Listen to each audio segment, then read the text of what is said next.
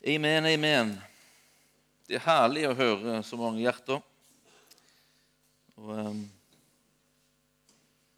jeg var på, på Mari-møte sist. Mari-møte hadde begynt å kalles det. Sang- og vitnemøte heter det jo. Vet ikke som har gitt det det navnet, Mari? Hun er visjonsbæreren for det. i hvert fall. Men Jeg var der sist, og så tenkte jeg at du verden mange skatter det er iblant oss. Så jeg tenkte, jeg satt der og tenkte det her må vi liksom eh, Jeg satt der og omvendte meg. Jeg tenkte Vi må få fram noen av de hjertene. Så jeg tenker at vi liksom framover skal få litt sånne her eh, innledende ord, som vi fikk i dag, Erik. Fra et mangfold av folk som finnes iblant oss. Så du kan liksom gjøre deg beredd på å få et spørsmål etter hvert. Og så ønsker vi å få fram det Gud legger på hjertene deres og gjør i livet deres. Og det er herlig. Kristi himmelfartsdag Skal bare se om jeg kan få den her Oi. Legger du over den, Helene, på Der. Kristi himmelfartsdag. Jeg fikk spørsmål her for noen uker siden om det er noe vi bør feire. Er det viktig? Og det er det. Det er viktig. Det er, derfor at Kristi himmelfartsdag det er, på en måte markerer en del av eh, frelsesverket. Og Jeg tenkte vi skulle gå til Filipperbrevet 2 og eh, lese den beskrivelsen der helt enkelt som står om det her frelsesverket. Eh, det her frelsesverket som på begynner med Jesu død på korset, og egentlig begynner det før det. Filipperbrevet 2, fra vers 6. Han, det er Jesus, var i Guds skikkelse og så det ikke som et rov å være Gud lik, men ga avkall på sitt eget, tok på seg tjenerskikkelse og ble menneske og lik. Da han sto fram som menneske, fornedret han seg selv og ble lydig til døden, ja, døden på korset. Derfor har òg Gud opphøyd han til det høyeste og gitt ham navnet over alle navn i Jesu navn skal derfor hvert kne bøye seg, i himmelen, på jorden og under jorden, og hver tunge skal bekjenne at Jesus Kristus er Herre, til Gud Faders ære, står det der. Når Jesus han, han sendes til jorda for å forsone mennesket med Gud, så er det som at det skjer i en slags prosess der han eh, først stiger ned og så stiger opp igjen. Og Det er på en måte hele prosessen. Han sendes ned, og så tas han opp. Det er som en, en trapp der han først går ned, og så går opp igjen. Og Jeg fant denne illustrasjonen jeg fant den bare på engelsk, som viser litt av det her. Altså, Han som var i himmelen, som Paulus skriver her, som var Gud, så steig han ned. Helt ned. Like inn i døden. Altså Det er som en trapp, det som skjer. Det er som at den tredje Guden i himmelen bestemmer seg. Vi skal forsone mennesket med Gud. Her, her står Paulus sier jo at det skjer før verdens grunnlov blir lagt. Når tiden er inne, skriver han òg, så sender Gud sin sønn. Og Da stiger han ned. Da, da leste vi her hos Paulus, da legger han av seg det å være menneske. Og så lar han seg føde inn i denne verden som et lite barn. Det er det første steget på denne nedstigningen. Og så vokser han opp, og så lever han et liv som et menneske, som en av oss, uten å gjøre anspråk på det å være Gud. Og så tar hans egne ikke imot ham, står det. Så forfølges han. Så får han utstå liksom hån og hets. Like til det at han gir sitt liv på korset.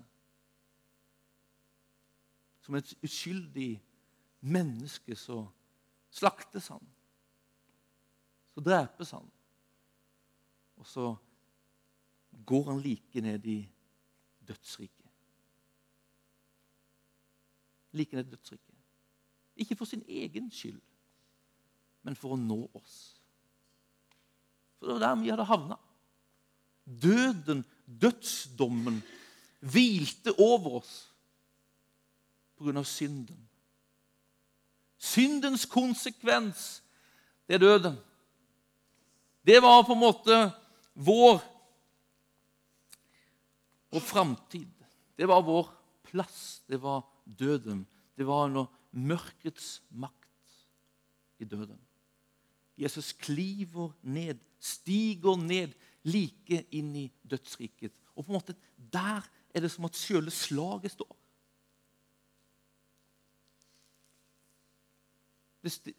Johannes eh, ser Jesus i åpenbaringen kapittel 1, og så sier han at 'jeg har tatt nøklene til døden og dødsriket'. Han vant en seier. Dette er på en måte påska. Slaget står der, og så triumferer han der. Han når oss, kliver ned for å nå oss og for å vinne oss. Så når han beseirer selve døden, så begynner det som kalles på en måte oppstigningen. Når han står opp igjen på tredje dagen. Men det er liksom av første steg. Det markerer triumfen. Seieren er vunnet. Men så stiger han òg videre. Han vandrer 40 dager her. Og så tas han opp til himmelen. Kristi himmelfart. Og så står det Så settes han ved Guds høyre side i himmelrommet. Han plasseres på Guds trone. Og det er ikke som at han plasseres på en sånn litt mindre trone litt ved sida. Når vi leser det, så er det som at han, han deler tronen med Gud Faderen. Han opphøyes for et navn som er over alle andre navn. Og selv denne opphøyelsen av Jesus er det Kristi himmelfart egentlig handler om. Han plasseres på tronen i det himmelske, der han råder og troner.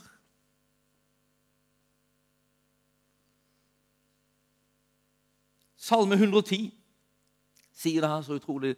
Vet du, Salme 110 det er den mest siterte salmen i Det nye testamentet. Mest siterte gammeltestamentlige skrift i Det nye testamentet er Salme 110. Det er en salme av David. Og Der står det 'Herren sier til min Herre'. Det er far og sønn i Det gamle testamentet. Herren sier til min Herre, sett deg ved min høyre hånd til jeg får lagt dine fiender som skammel for dine føtter. Gud far sender sin sønn, som vinner en triumferende seier i døden. Det står at Gud vekte han opp fra de døde. I triumf med nøklene til dødsriket. Egentlig med oss.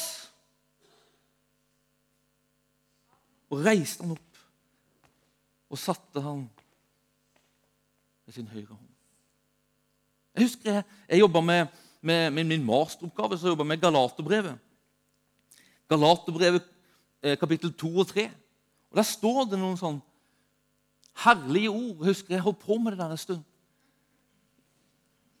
I kapittel 2, vers 19 så står det 'Jeg er korsfestet med Kristus'. Jeg lever ikke lenger selv, men Kristus lever i meg. Paulus prater om det her. altså. Her prater han om det her, en utrolig sånn identifikasjon, en sånn nesten forening mellom jeg som tror på Jesus, og han. Når han stiger ned, så er det som at han på en måte tar med og så er det som at han fører meg gjennom den døden som jeg var dømt til å dø. Han dør, og så står det 'Jeg er korsfestet med Kristus'. Jeg er korsfestet med Kristus. Når han dør, så er det som at jeg dør. Men så sier Paulus òg i Romerbrevet kapittel 6 at 'jeg er oppstått med Kristus'. Jeg er oppstått med Kristus. Og så sier han i Kolosserbrevet at jeg regjerer med Kristus i høyden. Altså Det er som at frelsesverket det er en nedstigning. Jesus stiger ned og reises opp. Og så er det som at vi følger med. Altså, det her er, det her er evangelium. Altså, han kommer ned, går i mitt sted, dør døden for meg. Og så reises han opp. Og så er det det som skjer når vi setter tro til Han som vår frelser. At det verket han gjør, det verket han gjør, det blir en virkelighet for meg. Det blir gjeldende meg. Så du og vi som har tatt imot Jesus Vi er frelst, redda ut fra døden. Paulus han sier så her Han har frelst oss ut fra mørkets makt og satt oss inn i sin elskede sønns rike.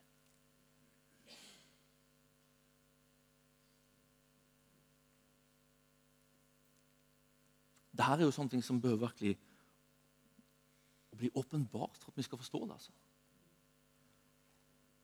Altså, Vi er her fortvila hjelpeløst. Egentlig er vi her. Det er en dødsdom over hodet vårt pga. synden. Og så kliver han ned, og så dør han i vårt sted. Og så overvinner han døden for oss, og så tar han oss med. Vi reises opp med han. Det er ikke sånn at han bare kommer ned til oss og så vinner han en seier, og så stikker han. Han tar oss med. Han frelser oss, redder oss ut av mørkets makt, ut av døden. Og reiser oss opp med han, like til at vi sitter med han i det himmelske og råder med ham. Han har vunnet en triumf. Og Paulus bruker det bildet om denne triumfen, som var vanlig i det romerske riket. At man, at man fikk liksom bevilget en slags triumfparade gjennom Rom. Og det er det Paulus sier. Jesus har vunnet en sånn seier. Han er en sånn en triumf. Og så står det i 2. Korinterbrev at vi får gå med han i hans seierstog, i hans triumfparade. Vi får triumfere med ham. Ja, det er sannheten om du. Det er sannheten om meg. Derfor satte jeg mitt bilde der. Men tror vi det? Ja, vi vil tro det. Altså, det her er Guds ord. Det her er Guds ord. Men jeg føler det liksom, føler meg ikke som noen stor seier, Herre. Nei, vi gjør jo ikke det. Men vi er det likevel. Og han ønsker at vi skal se det. Altså, hva er det som gjelder oss som tror på ham?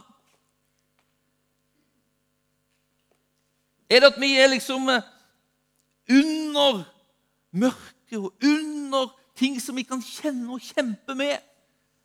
Sannheten er at vi faktisk regjerer med Han. Så det Han er over, er vi er over.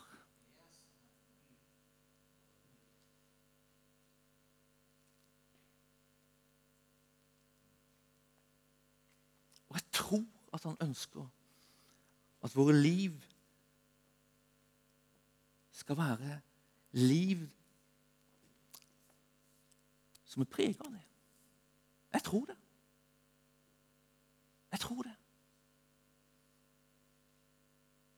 Jeg tror det.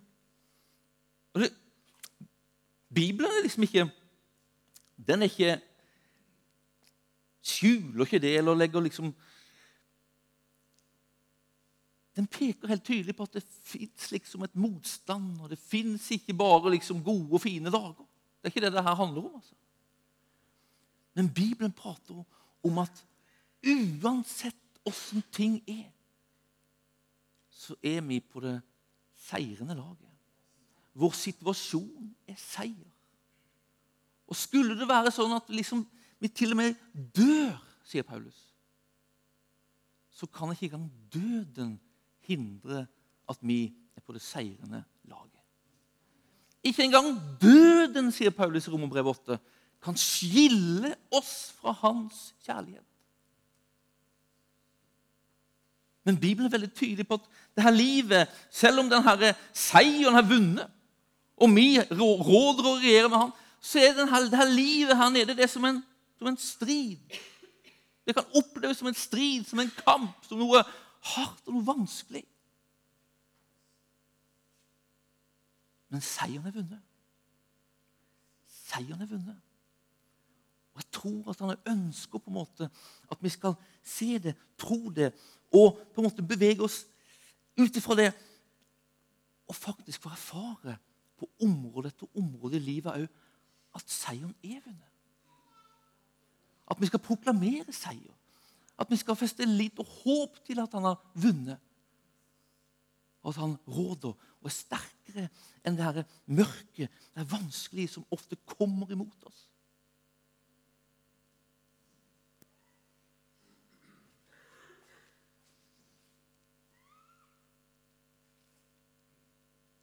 Det beskrives som en strid. Blant annet peker Nytestamentet på at vi står i en kamp mot synden. Vi står i en kamp om sinnet og tankene våre.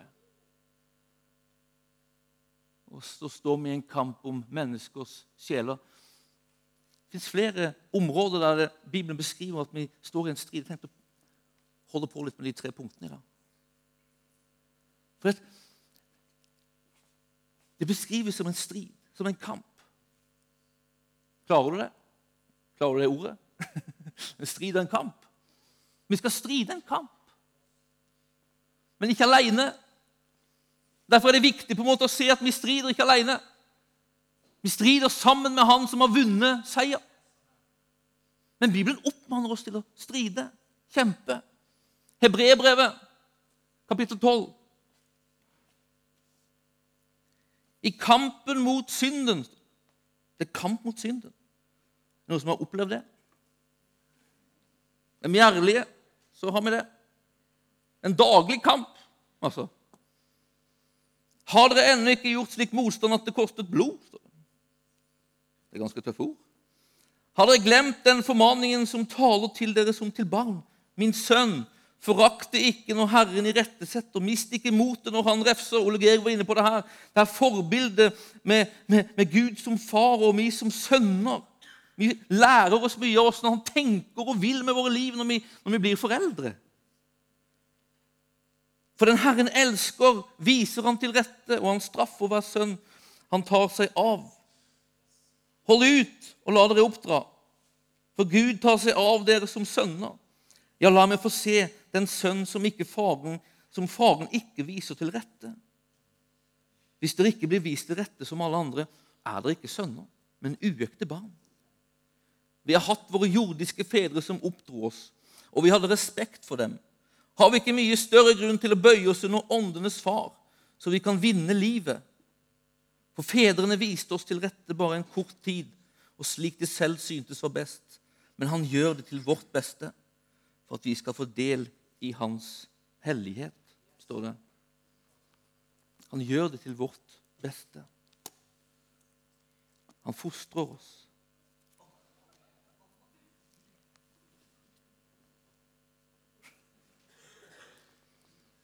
Finner du tilbake? Han fostrer oss, lik fedre gjør med sine sønner. Til vårt beste. Men jeg holder på å fostre min sønn så godt jeg kan.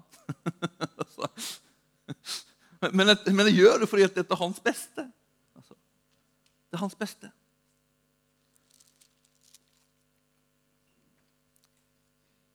Så Gud altså, sier Kjemp mot synden. Kjemp mot synden. For å få del i min hellighet, for å få del i likhet med meg. Hvorfor? I noen vers seinere står det For uten hellighet kan ingen se Gud. Og Jeg tror det gjelder oss som på en måte blir hellige. Men det gjelder minst like mye mennesker som skal se Gud gjennom ditt og mitt liv. Uten at vi blir forma til likhet med Han, så blir Han usynlig i denne verden. Det er faktisk sånn. Og synden som, som vi kjemper med, den, den, har potensial til å gjøre masse ugagn i våre liv. Derfor ønsker Gud at synden skal vi på en måte ikke bare se likegyldig på eller bare holde på med å la være. Han sier kjemp. Kjemp. Vet du hva? Budskapet er ikke 'kjemp alene', men kjemp med Han. Kjemp med Han. Paulus sier til og med at vi er døde for synden. sier han. Altså, vi var, vi var under synden, sjanseløse under synden, men nå er vi oppreist til et nytt liv. Der vi er døde for synden. Hva betyr det der? Er det bare liksom å stenge øynene? Er død, er død, er død, er død. er død. Forsvinner synden nå? Forsvinner kampen nå? Den gjør ikke det. Men Paulus har en vei. og For meg er den så utrolig tydelig i Galaterbrevet. Jeg kaller det til og med for Galaterveien. Jeg har prekt om den her før, men jeg tenkte jeg skulle gjenta den, for jeg tror det er veien som vi kan kjempe mot synd. En kamp med ham. Og Det går en vei gjennom Galaterbrevet i tre steg. Og det er gjennom tro, det er gjennom nåde, og det er ånden. Så kallelsen er når, du, når, du, når, synden er der, og du, du, kjemper med det, så er det ikke, er det ikke liksom å bare drite i synden og fortsette i den. Nei, det er kjemp. Hvordan kjemper man? Jo, den bibelske veien til kamp, det er kapitulasjon. Kapituler hos Han. Ikke, ikke i de egne gjerningene, ikke i den egne kampen, men kapituler i troen på han. I troen på Jesus Kristus. Der er Paulus vei. Det er ikke en vei gjennom egne gjerninger. Han liker ikke den veien. Han sier nei. Det er troen. Troen på Jesus Kristus. Det er tilliten. Det er tilliten til at han faktisk har ført deg gjennom døden. Til at han har reist deg opp igjen når du faktisk er død fra synden. Så når vi kjemper med synd, så er på en måte invitasjonen det er 'Kom! Stol på meg! Kom! Kom til meg!' Her hos meg, sier han, her rulles det ikke fram en domstol som kommer til å dømme deg ut. Her rulles det fram et kors. Her er nåden. Det er step two. Det er engelsk steg to på Galaterveien. Troen. Når du kommer til han i tillit til han Jeg kan det ikke sjøl, men jeg vil ikke heller ha det. Jeg vil vende meg fra det. Jeg kommer til du, Jesus. Hjelp. Det er omvendelse, det. Det er omvendelse. Når vi innser at vi har ting i våre liv som, vi, på en måte, som er synd, som ikke er ifølge Guds vilje, så er det et kall til omvendelse som sier, 'Kom til meg'. Vend deg bort fra din egne vei. Kom til meg. Stol på meg. Og når vi kommer til ham, så er det ikke domstolen som kommer med et kors. Det er et verk i ditt sted, der han har gitt sitt liv for din synd. Det er hans svar på din synd det er å gi sitt liv for deg. Det er nåde. Nåde betyr at du ikke får det du fortjener. Derfor at din synd fortjener egentlig én ting, og det er døden. Men i stedet for å dømme deg til døden, så dør han for deg. Og Når vi kommer til Han, så er det nåden som stilles der tilgjengelig for deg. Det er tilgivelse ufortjent. Men så er det noe mer. Det er ikke bare det at du ikke får det du fortjener, men du får òg det du ikke fortjener, nemlig hjelp. Du får tilgivelse, men nåde innebærer òg hjelp. Hjelp til å overvinne synden. Han har overvunnet den. Han er sterkere enn den. Og så stiller han liksom sine ressurser tilgjengelige for deg som hjelp. Bare hold det her, sier han. Bare stol på meg. Bare fest ditt blikk, så vil jeg kjempe for deg og med deg. Det betyr ikke at vi skal stå imot synden. Det skal vi fortsette å gjøre, men vi skal gjøre det i tro og tillit til Han. At Han er med, at Han hjelper. Og hva hjelper Han med? Jo, Ånden. Den hellige ånd. Det er ressursen som er tilgjengelig på Galaterveien. Og når Ånden får gjøre sitt verk, sier Paulus, så produserer det det i våre liv som loven ikke er imot. Den produserer frukt som ligner Gud. Kjærlighet, glede, alt det som står i Galater 5. Åndens frukt. At Ånden kan produsere i våre liv syndfrihet. Altså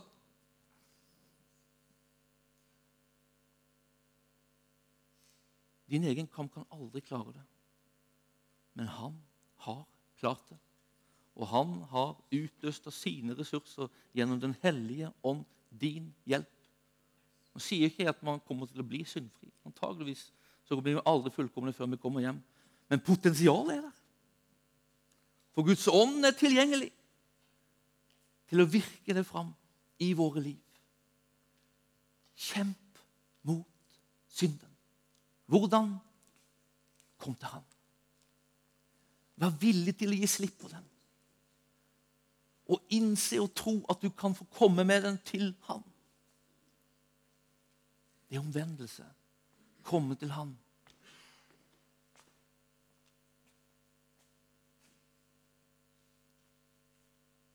Der var den. Galaterveien. Det neste området der det fins en kamp, det er kamp på sinnets og tankenes område. Paulus sier sånn her i 2. Korinterbrev 10.: For vel går vi fram på menneskelig vis, men vi kjemper ikke med menneskelige midler. Våre våpen er ikke fra mennesker, men har sin kraft fra Gud og kan legge festninger i grus. Vi river ned tankebygninger og alt stort og stolt som reiser seg mot kunnskapen om Gud. Vi tar hver tanke til fange under lydigheten mot Kristus. Det er som en strid om vårt sinn og våre tanker. Du vet, Våre tanker påvirker åssen vi føler, og åssen vi handler. Egentlig så påvirker tankene våre åssen våre liv ser ut. Derfor fins det en strid der. Det er som at djevelen holder på der for å begrense livet vårt. Hvilke tankebygg har, har vi bygd opp? Og er de tankene i linje med, med Guds tanker for oss? Eller står de opp mot denne kunnskapen om Gud som vi, som vi leste her? Du vet, Sannheten om ditt liv er at du er elska av ham. At du er rettferdig og gjort fullkommen ved tro på Jesus. At du regjerer med ham at du har fullmakt fra ham til å gå imot og hevde seier mot ondskapens makter. At du er sønn og datter av allmaktens Gud. At du er medarving av hans rike og ressurser. Dette er Bibelens ord om du og meg som tror på Jesus Kristus. Er det det vi tenker om oss sjøl? Er det sånn vi tenker om Gud? Men Guds tanker er fulle av trøst og kjærlighet. Guds tanker er fulle av håp og framtid. Guds tanker er alltid fylt av tro. Er det mine tanker? Er det våre tanker? Er vi aldri motløse? Aldri ser vi håpløse på ting? Aldri preges vi av utro? Det finnes en strid på tanke i tankeverden for å begrense våre liv. Hva er svaret? Paulus sier i Romerbrevet 12,2.: Innrett dere ikke etter den nåværende verden, men la dere forvandle ved at sinnet fornyes. så dere kan dømme om hva som er Guds vilje. Det gode, det som er til glede for Gud, det fullkomne. Han sier egentlig, 'Tenk ikke sånn som denne verden tenker.' Men la dere fornye, så dere begynner å tenke sånn som Gud tenker. Det er ganske heftig kost, altså. Men det fins en strid der. Og det fins en oppmaning til å gå inn i denne striden. La sinnet deres fornyes. Det er ikke janteloven eller materialismen eller sosialismen eller andre ismer som skal prege våre tanker. Det er hans tanker. Og det er når vi tenker hans tanker, at vi begynner å bevege oss inn i de livet han har tenkt. Derfor er denne fornyelsen av tankene Det fins en strid der. Den onde vet det her. At om vi tenker smått om Gud, om vi tenker smått om oss sjøl, eller om vi tenker for stort om Han som er den onde, så begrenses våre liv. Men la dere fornye, sier Paulus, så dere begynner å tenke Guds tanker. Så dere begynner å tenke rett om hvem Gud er. Så dere begynner å tenke rett om hvem du er i Han. Så dere begynner å tenke rett om at djevelen er under Jesu føtter. Og dine føtter. Altså. Hvordan fornyes vi? Jeg tror vi fornyes først og fremst gjennom Guds ord. Der finner vi hans tanker. Der kan du lære kjenne hans tanker og hans sinn. Det er det her våpenet som Paulus prater ikke er menneskelig våpen som vi kjemper med. Det er Guds ord. Det er Guds ord. Der fins det en kraft til å forvandle våre tanker. Det er et tveegga sverd. beskriver Det er et utrolig effektivt våpen. Det gjør skade både den veien og den veien. Så Guds ord river ned tankebygninger som ikke er i linje med Guds ord. Guds ord. Guds ord. Guds ord og Guds ånd. Det er ånden som hjelper oss å forstå Guds ord, men tankene fins i Guds ord. Åssen skal vi bruke ordet for å fornye vårt sinn? Det er mange måter å bruke ordet på. Men jeg tror at vi behøver å, å lese ordet. Lese ordet. Jeg tror vi behøver å prate ordet. Og så tror jeg vi behøver å gjøre ordet. Da skjer det noe med vår tanke.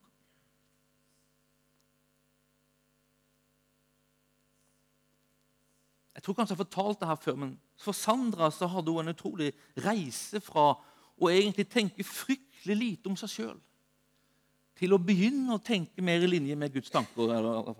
Altså, Hans tanker er så høye for oss. Det er jo ingen av oss som tenker hans tanker. Så alle har vi på en måte en vei å gå her. Altså. Men Sandra hadde sin høyeste drøm. Det var egentlig å, å ha en jobb i en mørk kjeller der ingen så henne. For så mye var hun verdt. Så mye kunne hun brukes til. Så det var hennes liksom tanker. Karriereplaner. Men så begynte hun på bibelskole. Og Noe som er bra med bibelskolen, det er at Guds ord forkynnes der. Og man holder på med Guds ord. Og Når man begynner å lese Guds ord, og når man er et bibelskolemiljø, så prater man jo Guds ord. Når du, når du leser mye Guds ord, så, så behøver du liksom ikke å, å, å, å, ta deg sammen for å prate Guds ord, for det gjør man bare. Jeg husker jeg hadde siviltjeneste sammen med Thomas Martinsen. Og på, Han leste bare Guds ord. Jeg var ikke der i det hele tatt. altså. Jeg var kristen, men var veldig bare det. Altså. og han, han skal, jeg, Vi prater om alt mulig annet, vi andre, men han sa han sa, jeg syns egentlig ikke det er interessant å prate om noen ting annet enn Guds ord. Og jeg, og from så tenkte jeg ja, ja, jeg måtte si ja, det er sant. sant. Men jeg, inni meg sa fatter ikke hva jeg mener. Men når man kommer på bibelskole, så begynner man på en måte å, å være så mye opptatt av Guds ord og være i Guds ord, begynner å prate Guds ord. Jeg tror egentlig det er et friskhetstegn. Altså. At det prates mye Guds ord iblant oss. Og så, så begynte på en måte å lese Guds ord og begynte å lese Guds ord om hva, hvem Gud er. Og så begynte hun å lese ord om hva, hva Gud sa om henne. Og så begynte de å prate om de her tinga. Og liksom, de hadde funnet liksom, og begynner man å prate om hva man har funnet hva man har lest. Og, og, sånt der. og så begynner man å skal handle på ordet. Vet du, for Sandra hun hadde en tanke om at hun ikke kunne brukes til noen ting av Gud. Altså. Ja, Hun kunne sitte i en kjeller kanskje og stemple noen frimerker. altså. Men så begynte hun å gå bibelskole, så begynte hun å bli utfordra på å handle. Handle på ordet. Handle ut ifra at hun faktisk kunne brukes til noe. Og så hadde man praksis der man ba for mennesker, betjente mennesker. Og så plutselig begynner Sandra å erfare at faktisk mennesker kommer til henne. Mennesker begynner å gråte når hun ber for dem. Og hun ble sånn sjokkert. Og så begynner folk å komme, og det du, det du sa og det du gjorde, det var, det var, rett inn i livet. Og så kommer det i ettertid, og ting har blitt en forandring gjennom, det, gjennom, gjennom formen fra henne. Og så begynner den derre tanken å endre seg. Jeg tror på det å handle på ordet. Paulus sier, Jakob sier at hvis du ikke handler, hvis du ikke den en ordets gjører, så er du som en glømsk hører. sier man. Man hører, Det er som å se seg i speil, og så glemmer man hvordan man har sett ut. Det er egentlig waste of time.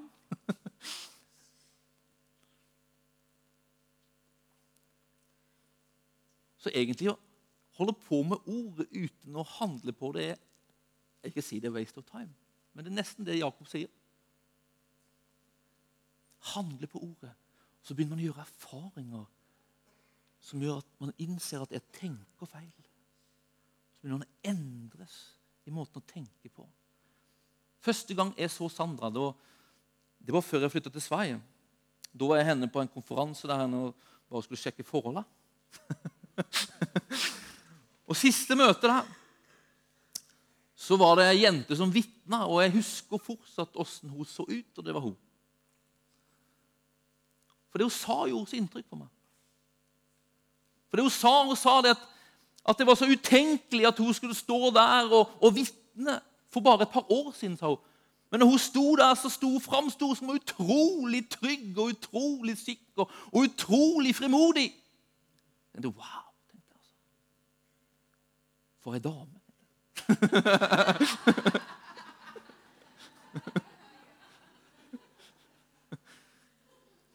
Men jeg får et verk av Gud.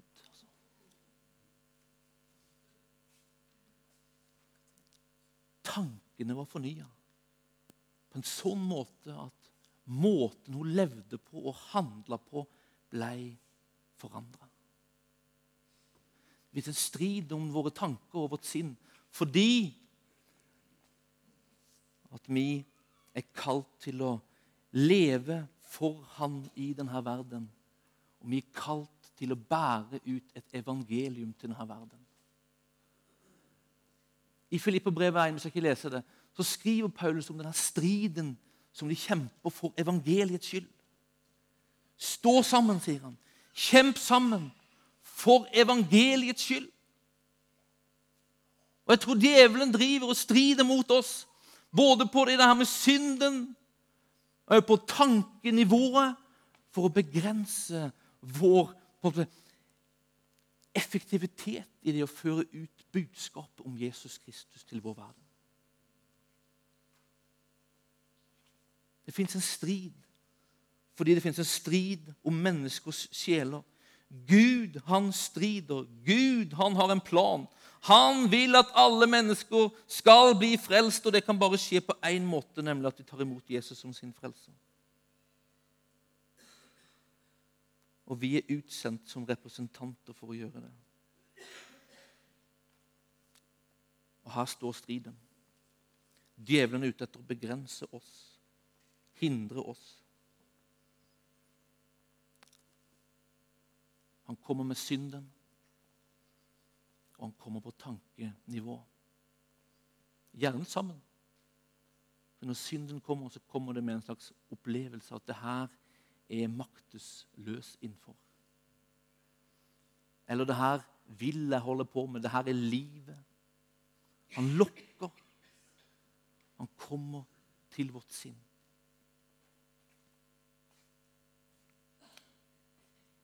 Men Gud ønsker at vi skal fornyes. Så vi skal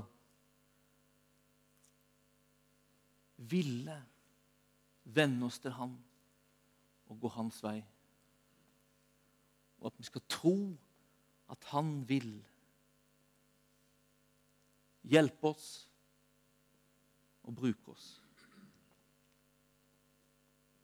Det fins en kamp på syndens område som Gud ønsker at vi skal stride. Der han ønsker at vi skal kapitulere og komme til Han som har vunnet seieren.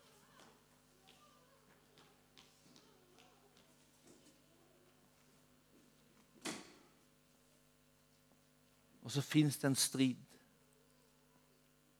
på tankeplanen om hvordan du tenker om Han, Gud, og hvordan du tenker om deg sjøl. Tror du at han vil bruke den? Tror du at han vil bruke den? Han vil bruke den. Han vil bruke den. Dette er utfordringen. Vil vi? Vil vi følge ham? Eller vil vi gå vår egen vei? Det, handler ikke om kan vi. For at Egentlig så vil vi ikke, noen av oss. egentlig. Altså, vi vil ikke like mye som vi burde ville. Men hvis vi vil ville, så kan han hjelpe. Han sier, 'Kom, kom. Legg bort synden. Vend deg fra den.' Velg å ville, så kan jeg hjelpe. Og så spør han, 'Tror du?' Tror du? Og egentlig så tror vi ikke nok, noen av oss. Vi tror ikke rett om oss sjøl, noen av oss. Men han sier, 'Tror du?' Kom, så skal jeg vise deg. Kom til mitt ord, så skal jeg vise deg. Her er utfordringen. Vil vi, og tror vi han vil lovsangere. Han kommer på.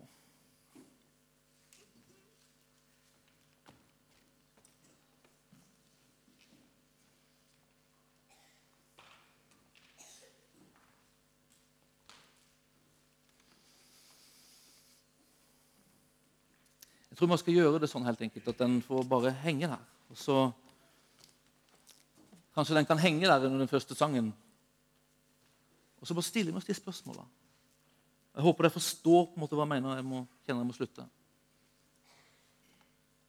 Og så la han få tale til deg.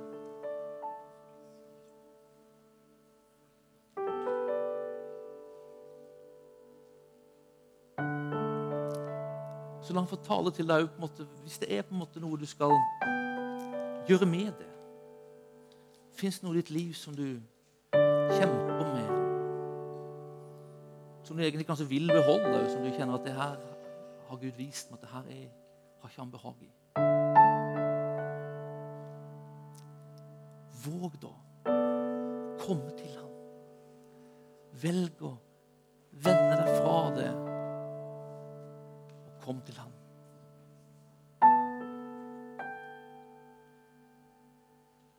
Så han kan få hjelpe deg.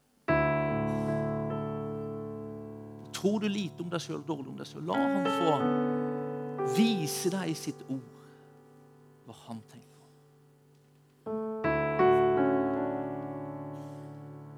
Ønsker du forbønn, så er du veldig velkommen fram.